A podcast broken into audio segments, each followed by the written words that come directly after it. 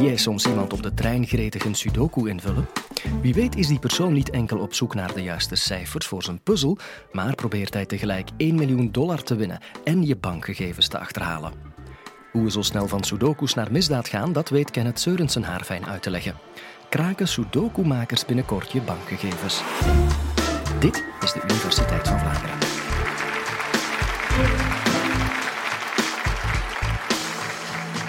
De meeste sudoku-makers die ik ken zijn heel lieve mensen, dus die gaan niet uw bankgegevens kraken. Maar er is toch wel een link tussen sudoku aan de ene kant en de veiligheid van bankgegevens aan de andere kant. En die link zit hem in wat computers kunnen, maar eigenlijk vooral in wat ze niet kunnen. Want ook voor computers bestaan er problemen die heel moeilijk op te lossen zijn en berekeningen die heel moeilijk te maken zijn. Neem nu Sudoku. Een gewone Sudoku-puzzel, negen vakjes op negen vakjes, dat is niet moeilijk. Een mens doet daar tien minuten over, een computer een fractie van een seconde.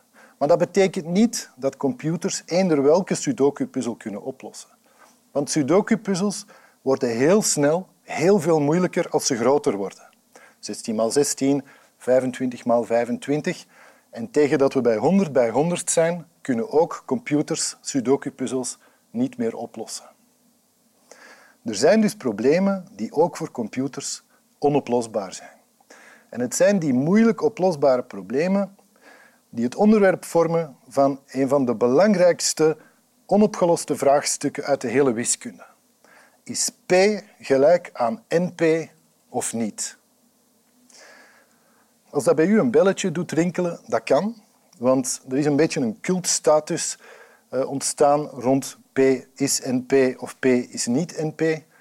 U zou dat bijvoorbeeld op de Simpsons hebben kunnen zien. Het zijn weinig wiskundige vraagstukken die dat kunnen zeggen. Nu, wat P is, wat NP is, waarom die eventueel al dan niet aan elkaar gelijk zou zijn, uh, en wat Sudoku en bankgegevens daarmee te maken hebben, dat vertel ik u dadelijk. Maar ik wil toch er al bij vertellen dat u er 1 miljoen dollar mee kan verdienen. Dus goed opletten. Van bij de ontwikkeling van de eerste computers zoeken wetenschappers naar algoritmen om allerlei problemen op te lossen. Algoritmen zijn trouwens gewoon computerprogramma's. Een aantal voorbeelden. Wat is de kortste weg van A naar B? Wat is het grootste getal in deze lijst? Wat is de miljardste decimaal van pi? Enzovoort. Voor al die problemen zoeken wetenschappers algoritmes. En van bij het begin merken ze twee dingen. Eén, voor eender welk probleem stijgt de rekentijd die nodig is om het op te lossen als het probleem groter wordt. Kleine problemen zijn makkelijker op te lossen dan grote problemen. Dat is logisch. Als u getallen van vijf cijfers met elkaar vermenigvuldigt, dan duurt dat net iets langer dan als u getallen van vier cijfers met elkaar vermenigvuldigt. Maar twee, en heel belangrijk, de mate waarin die rekentijd stijgt als een functie van de grootte van het probleem, die is heel verschillend van probleem tot probleem. Voor sommige problemen, zoals bijvoorbeeld het vermenigvuldigen van twee getallen, of het zoeken van de kortste weg van A naar B, dat is het probleem dat het GPS-toestel in uw auto oplost. Voor die problemen vindt men al heel snel een algoritme met een polynomiale rekentijd. Een rekentijd die verloopt als een veeltermfunctie van de grootte van het probleem. Kijk naar de grafiek. Op de x-as staat n, de grootte van het probleem, en op de y-as staat de rekentijd die nodig is om het probleem op te lossen. Wel, 50 maal n is een veeltermfunctie, is dus een polynomiale rekentijd, en n tot de derde is dat ook. Voor problemen waarvoor we een polynomiaal algoritme vinden, kunnen we eigenlijk problemen oplossen, ook als die heel groot worden. De computer in mijn smartwatch bijvoorbeeld heeft geen enkel probleem om getallen van miljoenen cijfers met elkaar te vermenigvuldigen. En dat klein GPS-toestelje in uw auto heeft geen enkele moeite om de kortste weg van hier tot in Moskou te vinden. Voor andere problemen vinden we echter, hoe hard we ook zoeken, geen algoritme met een polynomiale rekentijd. Voor die problemen vinden we alleen algoritmen met een exponentiële rekentijd, zoals bijvoorbeeld 2 tot de macht n. Nu vraagt u misschien af, is dat heel erg, een exponentiële rekentijd? Wel, we zullen zien met een experiment En voor dat experiment heb ik hier een attribuut klaar liggen, namelijk een blaadje papier. We gaan een gedachtenexperiment doen. Dus ik heb hier een echt blad papier.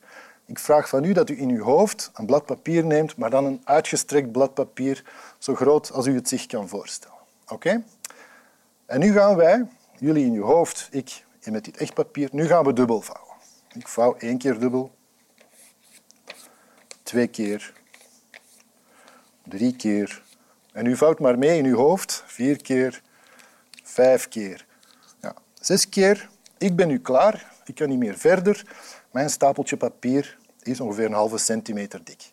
Maar u gaat in uw hoofd met dat enorme papier verder en u vouwt uw papier honderd keer dubbel. Oké. En nu gaan we schatten hoe hoog dat die stapel in uw hoofd geworden moet zijn. Is er iemand die een gokje wil wagen? Hoe hoog wordt een papier dat je honderd keer dubbel vouwt? Na zes keer een halve centimeter, na honderd keer. Er iemand een gokje wagen? Tot aan de maan. Dat is uh, niet slecht gegokt, inderdaad. Ja. Wil er nog iemand anders zeggen? Tot aan de zon. Ja. U lacht, maar eigenlijk hebben beide mensen nog veel te weinig gezegd. Het juiste antwoord is de stapel papier in uw hoofd wordt 13 miljard lichtjaar hoog.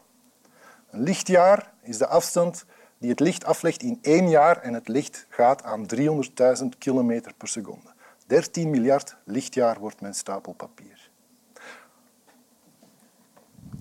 Hoe komt dat?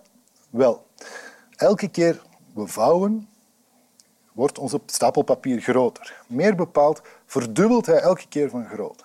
Wel, dat is een stijging die we exponentieel noemen. En zoals u ziet, geeft dat heel vaak onbevattelijk grotere getallen als gevolg. Nu, die exponentiële stijging komen we dus ook tegen in de rekentijd die nodig is om bepaalde problemen op te lossen. Voor die problemen kunnen we vaak alleen de kleintjes oplossen, omdat het voor de grote gewoon veel te lang duurt. Niet omdat het te complex is om die op te lossen, omdat we niet weten hoe het moet, maar gewoon omdat het veel te lang duurt. Op basis van die algoritmen zijn wetenschappers de problemen in klassen gaan indelen. De eerste klasse hebben ze P genoemd. P is de klasse van problemen waarvoor een polynomiaal algoritme, dus een snel computerprogramma, bestaat. In die klasse zitten problemen als getallen optellen, aftrekken, vermenigvuldigen, delen, machtsverheffen, worteltrekken enzovoort. Het sorteren van een lijst namen, het zoeken van het eerste element, het laatste element, het nemen van gemiddelden van een lijst, het zoeken van de kortste weg van A naar B enzovoort. Een hele reeks problemen dus. Een tweede klasse is, en u raadt het al, NP. NP is de klasse van problemen waarvoor we geen polynomiaal algoritme hebben, maar dat is niet alles. Want om in de klasse NP te zitten, moet er nog een extra voorwaarde vervuld zijn en dat is dat een oplossing voor een probleem gemakkelijk moet kunnen gecontroleerd worden. Dus het mag moeilijk zijn om het probleem op te lossen, maar er moet een polynomiaal of een snel algoritme bestaan om te controleren of de oplossing juist is. Neem opnieuw Sudoku. Een heel grote Sudoku, heb ik, eh, heb ik gezegd, is moeilijk op te lossen, zelfs voor computers. Maar zelfs voor heel grote sudokus blijft het heel makkelijk om te zien of een oplossing correct is of niet. Daar bestaat wel een snel algoritme voor. In de klasse NP zitten duizenden problemen uit alle domeinen. Uit de wiskunde, maar ook uit de scheikunde, uit de biologie, uit de natuurkunde, uit de economie. Ik geef een aantal voorbeelden. Het splitsen van getallen in priemfactoren is een probleem uit de klasse NP. Als ik u vraag hoeveel is 127 maal 131, dan kan u wellicht op een blaadje papier uitrekenen dat dat 16.637 is. Maar als ik u nu vraag om 16.637 te splitsen in priemgetallen, ja, dan bent u wellicht wel iets langer zoet. En dat is voor computers net hetzelfde. Alleen moeten we natuurlijk iets grotere getallen verzinnen voor we het computers moeilijk maken. Maar splitsen in priemgetallen is heel erg moeilijk, maar als je de priemgetallen kent, is het heel gemakkelijk om te verifiëren of ze samen dat grote getal vormen. Een tweede voorbeeld van een probleem in NP. U gaat op vakantie en u hebt een aantal attracties aangeduid op de kaart die u graag wil bezoeken. Maar u wil zo weinig mogelijk in de auto zitten. Wel, het vinden van de best mogelijke volgorde van uw vakantietrip, dat is een probleem uit de klasse NP. Net zoals het bepalen van de best mogelijke routes voor postbodes, voor huisvuilophaling, voor pakketjeslevering enzovoort. En u zegt nu misschien, ja, maar ik doe toch geen duizend jaar uh, om mijn vakantieplanning te bepalen en die routes van postbodes die rekenen we toch ook gewoon uit. Klopt, maar dat is enkel zo omdat de oplossing die we gaan vinden maar een benadering gaat zijn van de best mogelijke oplossing. Want als we die best mogelijke oplossing willen vinden, dan zitten we met dat probleem van exponentiële rekentijd en dan kan het duizenden jaren duren voor we die oplossing vinden. Een derde probleem uit de biologie. In uw cellen worden proteïnen gemaakt. Die proteïnen zijn lange slingers van aminozuren. Die gaan zich op een of andere complexe manier in drie dimensies opvouwen en dan wordt dat een soort moleculair machinetje dat allerlei functies in onze cellen gaat vervullen. Wel, het voorspellen van de manier waarop zo'n proteïne, waarop zo'n eiwit zich in drie dimensies gaat opvouwen, dat is een probleem uit de klasse NP. En dat is cruciaal in de strijd tegen kanker en in het onderzoek naar heel veel andere ziektes en functies in uw lichaam. Waar komt nu de vraag P versus NP of is P gelijk aan NP vandaan? We hebben gezien wat P is, we hebben gezien wat NP is. Waarom zouden die twee nu aan elkaar gelijk zijn? Dat is de vraag. Wel, voor de problemen in de klasse NP hebben we inderdaad op dit moment geen snel algoritme, geen polynomiaal algoritme. Maar dat kan twee oorzaken hebben. Ten eerste, zo'n algoritme bestaat gewoon niet. Er bestaat geen snel algoritme voor problemen in de klasse NP. Of ten tweede, zo'n algoritme bestaat wel, maar we hebben het gewoon nog niet gevonden. En het P versus NP-vraagstuk is dat niemand tot nu toe heeft kunnen aantonen welke van die twee opties de juiste is. Het zou dus kunnen dat er voor alle problemen in NP een snel algoritme bestaat, maar dat we het gewoon nog niet kennen. Af en toe gebeurt het trouwens dat een probleem uit de klasse NP verhuist naar de klasse P. Van het vinden of een getal een priemgetal is of niet, dacht men vroeger dat het in de klasse NP zat. Wel, in 2002 heeft iemand daar een snel algoritme voor gevonden. Op die moment is het verhuisd naar de klasse P. Dus dat kan. Nu vraagt u zich misschien af, maar ja, ik kan toch moeilijk van mij verwachten dat ik voor elk probleem in de klasse NP een snel algoritme vind. Misschien zijn er zelfs problemen in die klasse NP waar ik zelfs gewoon nog niet aan gedacht heb.